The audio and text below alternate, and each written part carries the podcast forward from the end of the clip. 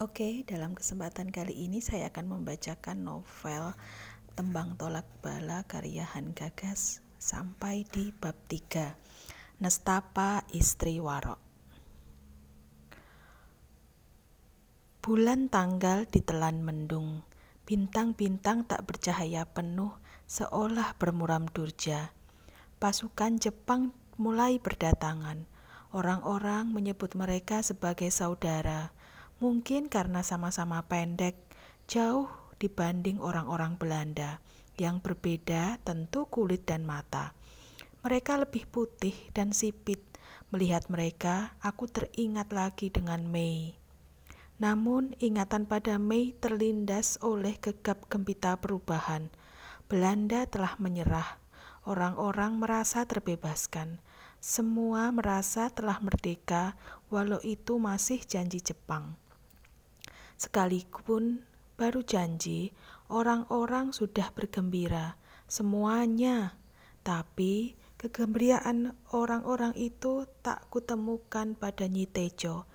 Benarkah kemerdekaan itu sejatinya ada dalam hati dan pikiran kita sendiri?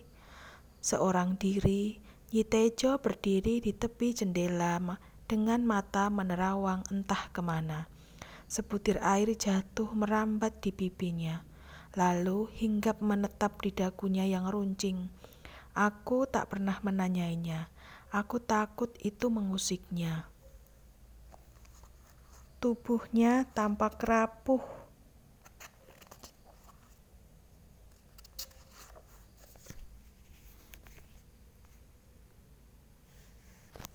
Tubuhnya tampak rapuh ketika bersandar di jendela.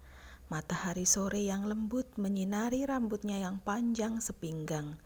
Dari celah-celah gerai rambut itu, aku melihat beberapa tetes air berdenyar di sekitar matanya. Aku menyimpan rapat kenangan ini, dan hatiku ikut bersedih. Aku yakin ia sedang berduka, entah karena apa.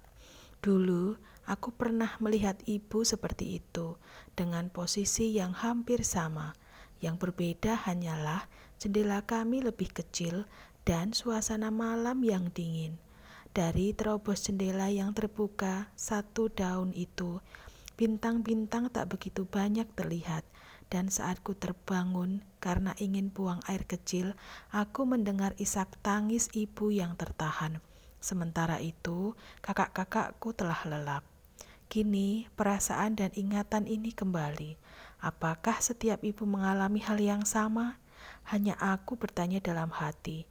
Dulu aku juga tak berani bertanya, ada apa dengan ibu? Aku hanya mengira-ira pertengkaran yang terjadi siang tadi dengan ayah dan menggoreskan luka pada pipi ibuku. Aku hanya mengira-ira dan tak pernah berani bertanya hingga ayah pergi. Suatu malam perutku mulas. Aku terbangun hendak buang air besar. Langkahku terhenti sebelum sampai kamar mandi. Dari kamar Eyang, aku mendengar suara-suara pelan sedang berbincang. Terkadang aku cemburu pada bocah itu. Ia lebih sering kau sayangi ketimbang aku. Kalaupun kau tidur sekamar denganku, kau hanya mendengkur, sama sekali tak menjamahku. Dulu, selagi kita baru kawin, Kau mengambil cokro jadi gemblakmu. Kau hanya menciumku, tak lebih. Bagaimanapun aku perempuan yang juga membutuhkan itu. Suara lirih itu terdengar begitu sedih. Aku merasa bersalah. Kau tahu, aku seorang warok berpantang setubuh dengan perempuan. Jawab Eyang dengan tenang. Tapi Wong Sopati tidak. Ia tetap mengawini istrinya Sampai sekarang ia tidak menggemblak. Mereka juga telah mempunyai dua momongan yang menyenangkan. Aku iri pada mereka. Kau mengetahui nyanyi. Guru dan lelaku yang kujalani berbeda dengan Wong Sopati. Dan kau juga tahu sendiri, Singo Kobra, Joyo Sentono, Mangun Rogo, dan Giri Seto begitu banyak gemblaknya. Mereka satu guru denganku. Mereka tak pernah puas dengan satu bocah dan lihat si Woro, si Wiro Lodaya musuh kita. Gemblaknya tak hanya banyak, tapi juga sering berganti-ganti. Dan jika dibandingkan denganku, mereka lebih banyak mempunyai gemblak. Nyi Tejo menangis sesenggukan. Maafkan aku, Nyi. Eyang Warok merangkul Eyang Putri dengan membelai rambutnya yang panjang dan sebagian telah memutih itu. Kakang, apa kau tidak kasihan pada bocah itu? Tejo Wulan seperti mendapat tusukan tajam pada jantungnya. Ia tak bisa menjawab pertanyaan itu. Baginya, ia seperti tak sepenuhnya sadar melakukan ritual persetubuhan itu. Ia seperti dituntun saja, naluri. Kadang setelah hasratnya terpenuhi, ia menyesal, tapi apa daya, itu semua tuntutan lelaku. Ia selalu teringat akan cerita leluhur gurunya, Ki Ageng Ketu, yang mengajarkan bahwa barang siapa ingin mendapatkan kekebalan sejati, haruslah menjauhi perempuan. Ia tak mau melakukan hubungan badan dengan perempuan, termasuk istrinya, karena hal itu dapat melunturkan kekebalan tubuhnya, dan itu berarti bahaya bagi dirinya sebagai seorang warok. Aku segera meluncur ke kamar mandi karena perut yang demikian mulas dan tak tertahan. Di dalam kamar kecil itu, aku menyadari akulah penyebab Yitejo menangis. Tetapi aku tak mampu berbuat apa-apa seperti dirinya karena kekuasaan Eyang begitu kuat membelit. Sesaat aku merindukan kembali ibu, adik kembarku, dan Mei. Di manakah mereka? Tidak ada. Lamunanku hilang, berganti dengan ingatan cerita tentang Eyang Tejo. Cerita awal mula gemblak itu muncul satu persatu di ingatan, deras bagi air di kamar mandi itu. Sebelum menjadi raja, Klono Sewandono adalah lelaki yang suka berkelana. Jauh di lubuk hatinya, ia berharap Dewata Raya menurunkan derajat kemuliaan kepadanya. Suatu kali, ia bertapa di Gunung Lawu, siang malam. Karenanya, Dewa Kayangan bersimpati padanya, lalu menganugerahkan sebuah pusaka bernama Pecut Semandiman. Kelak, pusaka itu akan mengantarkannya kepada raja bila mana ia memenuhi syarat untuk tidak menikah dan menjauhi nafsu amarah. Selanjutnya, ia berkelana menemukan daerah yang cocok bagi kerajaannya. Ketika daerah yang mata anginnya berkekuatan besar untuk tiupan seruling dan telik sandi, sehingga terdengar bila mana musuh datang, maka kerajaan ini ia beri nama Bantar Angin. Alhasil, kerajaan Bantar Angin didirikan, yakni terletak di antara Gunung Lawu dan Gunung Wilis. Masyarakat mengenalnya dengan sebutan Wengker, kerajaan yang sentosa tanpa kekurangan apa pun. Dan di sana, Klono Sewandono mengumpulkan anak-anak muda tampan berusia belasan. Ketika mengenalnya dengan gemblak pasangan seksual seorang warok. Karena ia terikat dengan dewata untuk tidak menikah dengan perempuan, maka mung tidak mungkin baginya untuk berhubungan seksual dengan perempuan. Tetapi di kemudian hari, seorang pandito istana menghadap, menyatakan bahwa kerajaan akan berjaya bila mana mempunyai keturunan. Maka pandita menyarankan Klono Sewantono menikah dan yang paling cocok menikah dengannya adalah putri dari Kediri. Maka ia gamang antara memenuhi janji pada Dewata Raya atau mengikuti nasihat panditanya.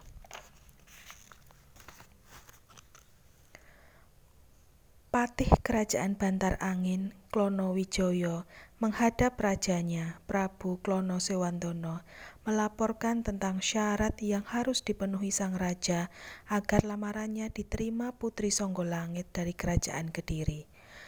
Bebono itu berupa pertama, seperangkat gamelan yang belum pernah ada di masa pun. Kedua, mempelai diarak bersama hewan-hewan seluruh hutan untuk mengisi taman sari kerajaan Kediri. Hewan itu terutama harimau dan burung merak yang sangat disukai putri. Dan yang ketiga, harus ada 144 kuda yang mengiringi.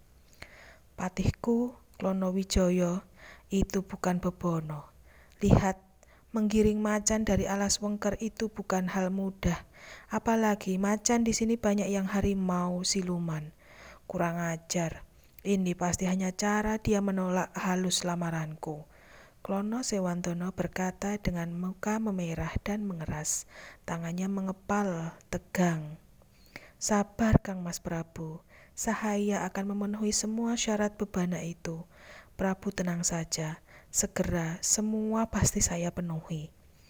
Demikian kata sang patih dengan cara yang lembut, menandakan kebijakan hatinya. Mendengar keterangan patihnya, Klono Sewandono sangat senang dan membayangkan segera melamar Dewi impiannya.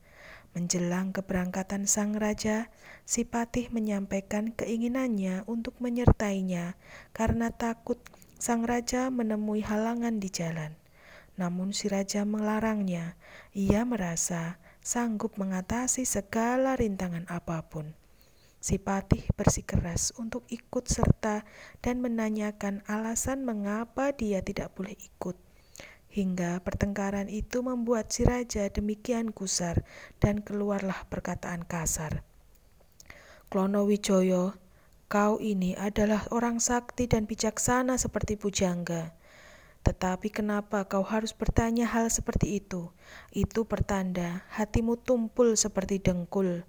Lihatlah, wajahku seperti ini dan wajahmu seperti itu. Kamu saudaraku, Nanti jika putri Songgo Langit melihat wajahmu, ia pasti jijik.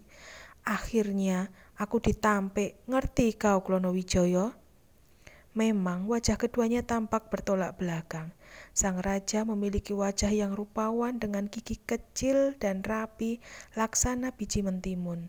Sedangkan Patih memiliki wajah yang buruk, matanya besar melotot, hidungnya kelewat besar, Mulutnya lebar dan gigi-gigi yang selalu kelihatan, tampak seperti raksasa yang bertubuh manusia. Sang patih terdiam, terbungkam oleh kata-kata rajanya, yang tidak lain adalah kakak kandungnya, sehingga menimbulkan sakit di hatinya. Ia menyimpan kemarahannya dan bersemedi kepada Dewata Raya. Sang patih pergi bersama rombongan dengan luka di dadanya. Ia memilih bertapa untuk meredam gundah hatinya. Ia meminta keadilan kepada wajahnya yang buruk rupa. Sehari semalam ia menyusuri jalan menuju puncak Gunung Lawu, memohon para dewata memberikan wajah setampan kakaknya. Hingga turunlah Dewa Batoro mengabulkan permintaannya ia mendapat anugerah sebuah topeng bernama topeng emas yang bila dikenakan wajahnya akan menjadi rupawan. Maka setelah mendapatkan topeng emas itu, ia pun turun gunung dan menyusul kakaknya di perjalanan. Saat itu, pagi belum turun. Perjalanan sang raja dan rombongan telah sampai di daerah perbatasan. Titik-titik putih seperti kabut berair menyebar seantero penjuru perbatasan. Dari sudut matanya, ia melihat segerombolan bayangan berkumpul membuat barisan penghalang jalan. Singo Ludro, penguasa hutan Lodaya bersama pasukan macan menghadang rombongan itu. Hujan deras mengguyur bumi wengker, geledek menyambar-nyambar. Dua pasukan itu terkagetkan oleh suara membahana dari langit menusuk bumi. Klono Sewandono, apakah janji itu serupa tinta yang diguyur air mata? Suara dari dewa itu menggoncangkan jiwa Sri Raja Bantar Angin. Menggetarkan nyalinya, pertempuran setengah hari itu mengakibatkan kehancuran pada kubunya. Nyalinya hancur oleh perasaan gamang yang tak berujung. Saat ia tertegun, sebuah serangan mematikan dari Singo Ludro merobek mulutnya. Muka tampan si raja habis sudah. Tubuhnya terjerembab dan cakaran lawan itu menghancurkan wajah tampannya. Ia mengeluarkan cemeti itu, namun petaka. Niat telah mengotori kesekian kesaktian pecut itu. Pecut yang semula bertuah itu menjadi pecut biasa yang hilang keampuhannya. Aduh, adikku, benar katamu. Tolonglah aku, adikku. Klono Wijaya datang seketika. Ketika Singoludro hendak menancapkan taring tajamnya pada leher Klono Sewandono. Klono Wijaya dengan cepat menyambar pecut di tangan Kang Masnya dan dengan sekali lecutan pecut Samandiman itu mengakhiri nyawa Singoludro. Seketika ia mati. Meskipun begitu, naas tak dapat dirubah. Wajah si raja tetap buruk rupa, dan adik yang baik itu memberikan topeng pada Kang Masnya. Berubahlah wajah raja menjadi tampan kembali, sehingga proses lamaran bisa dilanjutkan, sedangkan wajah Klonowijoyo kembali buruk seperti semula.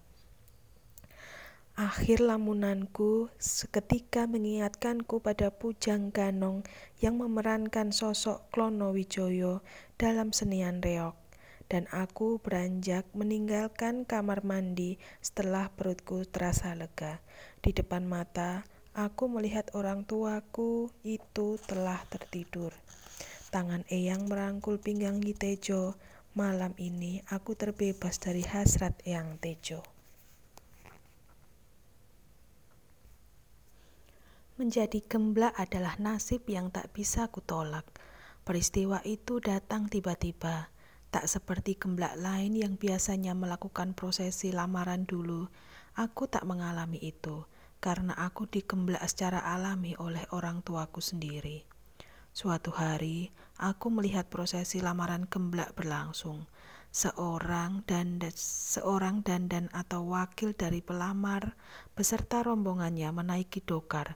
Dokar itu taklah berlenggang tangan di dalamnya terusung segala jenis bawaan, berselop-selop rokok, gula tebu, berkarung-karung beras, abon-abon pisang raja, dan sirih kinang.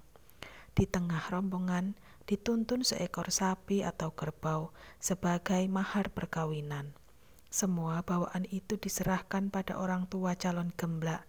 Selanjutnya, dapat dipastikan orang tua calon gemblak bakal setuju terhadap pinangan ini. Aku pernah mendengar jika orang tua menolak lamaran Warok bisa berakibat fatal bagi hidupnya. Akhirnya, ketika rasa takut banyak orang tua yang memilih setuju demi alasan keselamatan dirinya. Namun, ada juga warok baik yang tidak berbekal paksaan dalam menyunting gemblak, juga tak kasar memperlakukan gemblaknya. Di sisi lain, ada orang tua calon gemblak yang sangat senang menerima pinangan warok karena hal itu berarti kehormatan baginya. Status hidupnya naik karena memperoleh setoran dari mantunya. Bakal gemblak pun ada yang senang dilamar karena akan dimanjakan dengan berbagai kesenangan, baik segala jenis mainan maupun makanan. Namun, aku tak begitu menikmati mainan atau makanan enak. Aku lebih menikmati kenangan tentang nenek yang selalu memberiku jajan dan es, membuatku merasa cukup atas segala kenikmatan yang kurasakan, karena aku lebih senang menjadi bocah biasa yang bebas bermain dan bebas dari tatapan banyak orang. Selain itu, ada hal yang sangat kutakutkan, yakni ketika mendengar ada warok kasar yang jahat dan menyewakan gemblaknya kepada teman sesama warok. Biasanya dengan bayaran anak sapi, kalau seperti ini akan bertambah panjang penderitaan si gemblak. Warok juga tiba-tiba bisa berubah sangat kejam jika sudah dipermalukan. Aku pernah mendengar seorang gemblak yang sampai mati disiksa tuannya karena menceritakan perihal hubungan badannya kepada orang lain. Aku mendengar kabar ini secara tidak sengaja ketika seorang murid dari Eyang tengah mengobrol dengan temannya.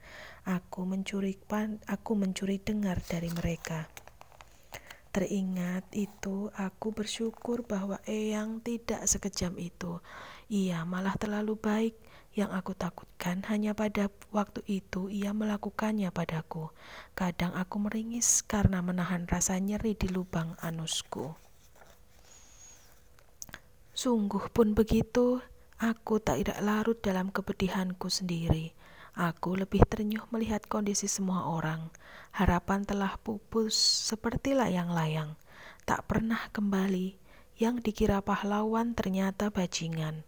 Nasib gelap orang-orang lebih hitam dari hitamnya nasibku. Janji merdeka tak pernah terbukti, justru penindasan demi penindasan yang terjadi. Jepang yang katanya saudara itu ternyata jauh lebih biadab dibanding orang Belanda yang kejam sekalipun. Orang-orang dipaksa dengan kejam untuk kerja, kerja, dan kerja dengan perut yang lapar. Tak hanya itu, Yudarsi, tetanggaku tiba-tiba diangkut ke dalam truk dan tak pernah kembali. Lalu aku terlihat gadis-gadis desa diangkut begitu saja. Banyak orang tua yang hanya bisa menangis dalam todongan bayonet tentara Jepang karena anak gadisnya tiba-tiba dibawa ke barak. Lalu kepedihan menjadi tak terukur ketika si gadis dipulangkan dengan keadaan tak berdaya karena telah diperkosa. Tubuh mereka menderita rasa nyeri yang sangat, begitupun jiwa-jiwa mereka. Rasa sakit menjadi tak berkesudahan. Setiap hari, situasi makin buruk. Kondisi setiap orang menjadi susah dan tidak menentu. Mereka hanya mampu berpikir bagaimana cara mendapatkan makanan untuk bertahan hidup. Tidak lagi berpikir sandang, apalagi berkesenian. Lagi pula, mereka tidak punya uang maka cukup bagi mereka mengenakan goni untuk menutupi badan. Mereka tidak lagi sanggup memainkan reok karena beratnya hidup yang harus dijalani. Sementara itu, puluhan tetangga mati akibat kelaparan. Mayat-mayat hanya digulung dengan tikar pandan lalu dikubur. Tak ada kain kafan karena khawatir dicuri. Kala itu, secarik kain menjadi barang yang sangat mahal dan mewah. Untung saja Jepang segera pergi. Tidak dapat dibayangkan bagaimana keadaan bangsa ini seandainya Jepang menjajah kita selama Belanda menjajah. Karena sangat mengerikan apa yang dilakukan Jepang pada bangsa ini. Di mana-mana tidak tersisa kecuali penderitaan. Beberapa tahun kemudian, rakyat bersuka cita. Soekarno-Hatta menyatakan proklamasi kemerdekaan. Rakyat bergembira, segala penjuru negeri bersorak menyanyikan lagu Indonesia Raya. Dengan dada membusung dan tangan mengepal, berteriak, Merdeka! Akan tetapi, kegembiraan tidak berlangsung lama. Belanda masuk kembali ke Indonesia membonceng sekutu. Air mata duka belum usai ditumpahkan untuk menegakkan kemerdekaan. Oke, selesai bab 3. Terima kasih.